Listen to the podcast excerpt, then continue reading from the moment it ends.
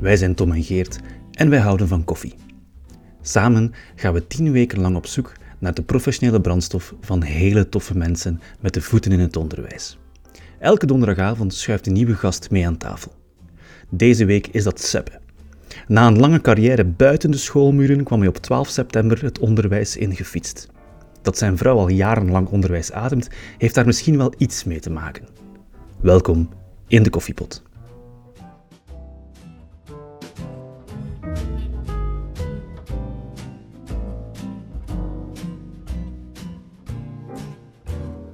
Heb je afspraken over koffie met jezelf? Ja, ik ben nogal een jittery, hè, zoals ze dat in Engels zeggen, uh, persoon. Dus daar koffie bijgieten, dat maakt het niet beter. In dat opzicht is het uh, des te bevreemdender dat mijn moeder mij uh, in mijn hele lagere school elke ochtend een tas koffie met een scheutje melk heeft gegeven. Ik ben dus een van die mensen uit die generatie waar dat dan nog zonder verpinken blijkbaar gebeurde. Achteraf besef je dan, tja, zouden wij dat nu doen bij onze kinderen? Nee. Um, maar het punt eh, was, wat zijn nu de regels? Uh, ik ben dan op beginnen werken en daar, uh, koffiemachine en dit en dat. En dan op den duur zo, ik merk hier dat ik eigenlijk niet zo goed slaap. Dus dan ben ik op een bepaald moment beginnen beslissen van, ja, ik drink niet meer na vier uur ongeveer. Dat is ongeveer mijn regel. En eigenlijk ehm, ben ik dan ook eens beginnen lezen en eh, wat blijkt, eigenlijk is het niet zo gezond om s ochtends die tas koffie te drinken als eerste ding dat je doet. Omdat je eigenlijk bepaalde hormonen hebt die je zelf wakker maken. En je laat die niet toe om hun werk te doen. Dus ik drink geen koffie uh, meteen als ik opsta. Ik wacht, uh, ze zeggen twee à drie uur, om mijn eerste tas te drinken. Als mij dat lukt, want in een schoolomgeving is dat wel lastiger, al zeker als ik niet zelf voor de koffie zorg, want dan blijf ik er vanaf. En dan in de namiddag, ah, dat is eigenlijk de, de typische namiddagdip, hè, die bestaat echt. En dat is ook logisch, want op dat moment is je hormoon niet meer actief.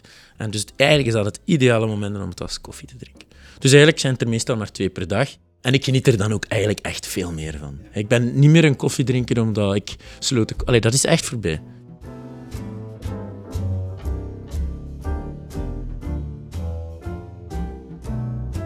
Ik ben uh, naast veel andere dingen die ik al benoemd heb, ook een punkrocker in hart en nieren, hè, vanaf mijn 15, 16.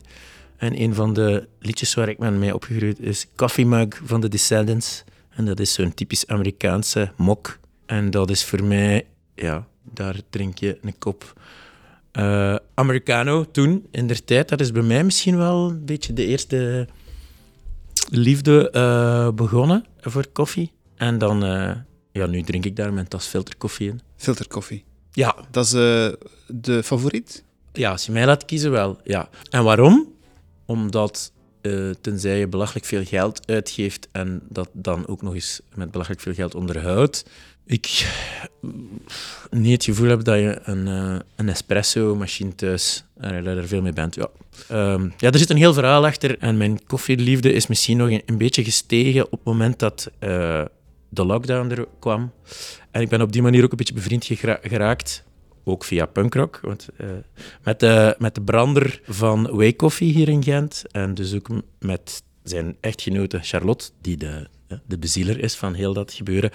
En um, ja, daar is mijn passie alleen maar groter geworden. En ik vind het ook gewoonweg dus leuk om af en toe een goede espresso te gaan drinken in een goede koffiebar hè, waar ik zeker ben dat het, uh, dat het kwaliteit is. Voilà. Maar je hebt vaste adresjes Ik heb trouwens Charlotte gezegd. Ze heet Charlene. Allee, was het toch niet? Oké, okay. sorry Charlene.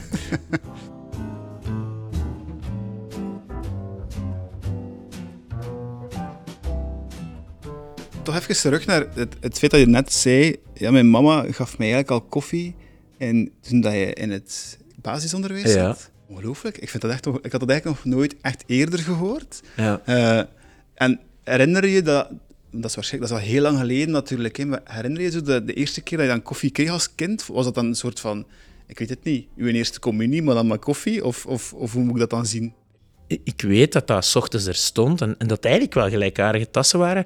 Jij hebt er zo eentje gelijkaardig, iets kleiner van formaat, maar met zusken en wisken op. Mhm. Bij ons waren het er met de smurfen op, dat weet ik nog wel. Ik denk dat daar mosterd in had gezeten of zo. Um, of dat, ja, zwart. Ik had er zo eentje, uh, grote... Ja, dat is wel een, dat is wel een herinnering. Maar nu die eerste tas, nee, compleet, compleet Nee. niet. Wat, dat wat ik wel, ehm, wat dat voor mij wel een heel eh, belangrijke herinnering is, is zo eh, de eerste echte koffiebar Koff Pur Sang die ik ben binnengestapt. Eh, en, en die ik leuk vond. En dat was eigenlijk, ehm, want daar zaten ze toen al een beetje voor. Ik heb op het einde van mijn studies nog een, heb ik een jaar eh, literatuurwetenschap gestudeerd en ik heb daarvoor een half jaar in Vancouver eh, gewoond. En eigenlijk was dat ik daar studeerde en woonde ik op, op de campus. En dus op ons de steel van de campus was er een koffiebar. En dat was daar al behoorlijk oké koffie. En die hadden ook al van die koffiebekers die je dan meenam. Allee, daar stond dan de grote naam van de universiteit op. Alleen dingen die hier nu eh, vijf jaar geleden zijn toegekomen. En we spreken over ja, 2000, eh, eh, 2002. Dus ja, en dat, dat, daar, daar is denk ik zo de liefde zo aan, eh, hij- helemaal erop geflakkerd. Daar, ja. ja. En, en dat was dan ook, ja, dat was ook wel de meeting point van al die internationale studenten. En daar hadden wij onze babbel. En, eh, en dat was wel... ehm, Ja. dat, het, zo het, en wij, het is wel grappig, want de plaats waar dat, dat ook superbelangrijk is, eh, zijn, is in Zweden, hè, de Fika. En, en ja, dat waren, ik was daar ook bevriend met, met een aantal Zweden. En, en ook voor hun was dat zo echt, ja, kom, we gaan naar de koffiebar. Ja, ja, ja.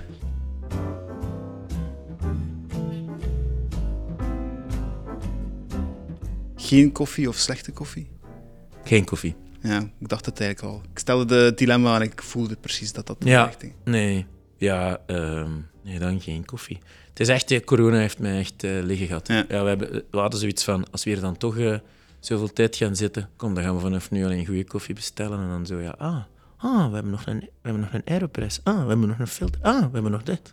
En een beetje, ja, daar dan wel mee spelen. Hè. Ja, ja. Ik ben er nog altijd niet. Het- Eigenlijk het volgende idee voor mij is om, om zo...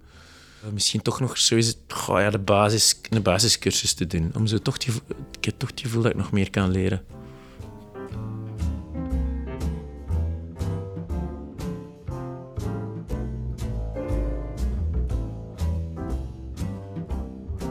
Dit was In de Koffiepot, de podcast waarin we koffie en onderwijs serieus maar niet ernstig nemen. Heb je mooie woorden of suggesties? Aarzel niet ons te contacteren via de gegevens in onze show notes. Je kan ons ook volgen op Instagram, at in de koffiepot. Bedankt voor het luisteren en tot volgende week.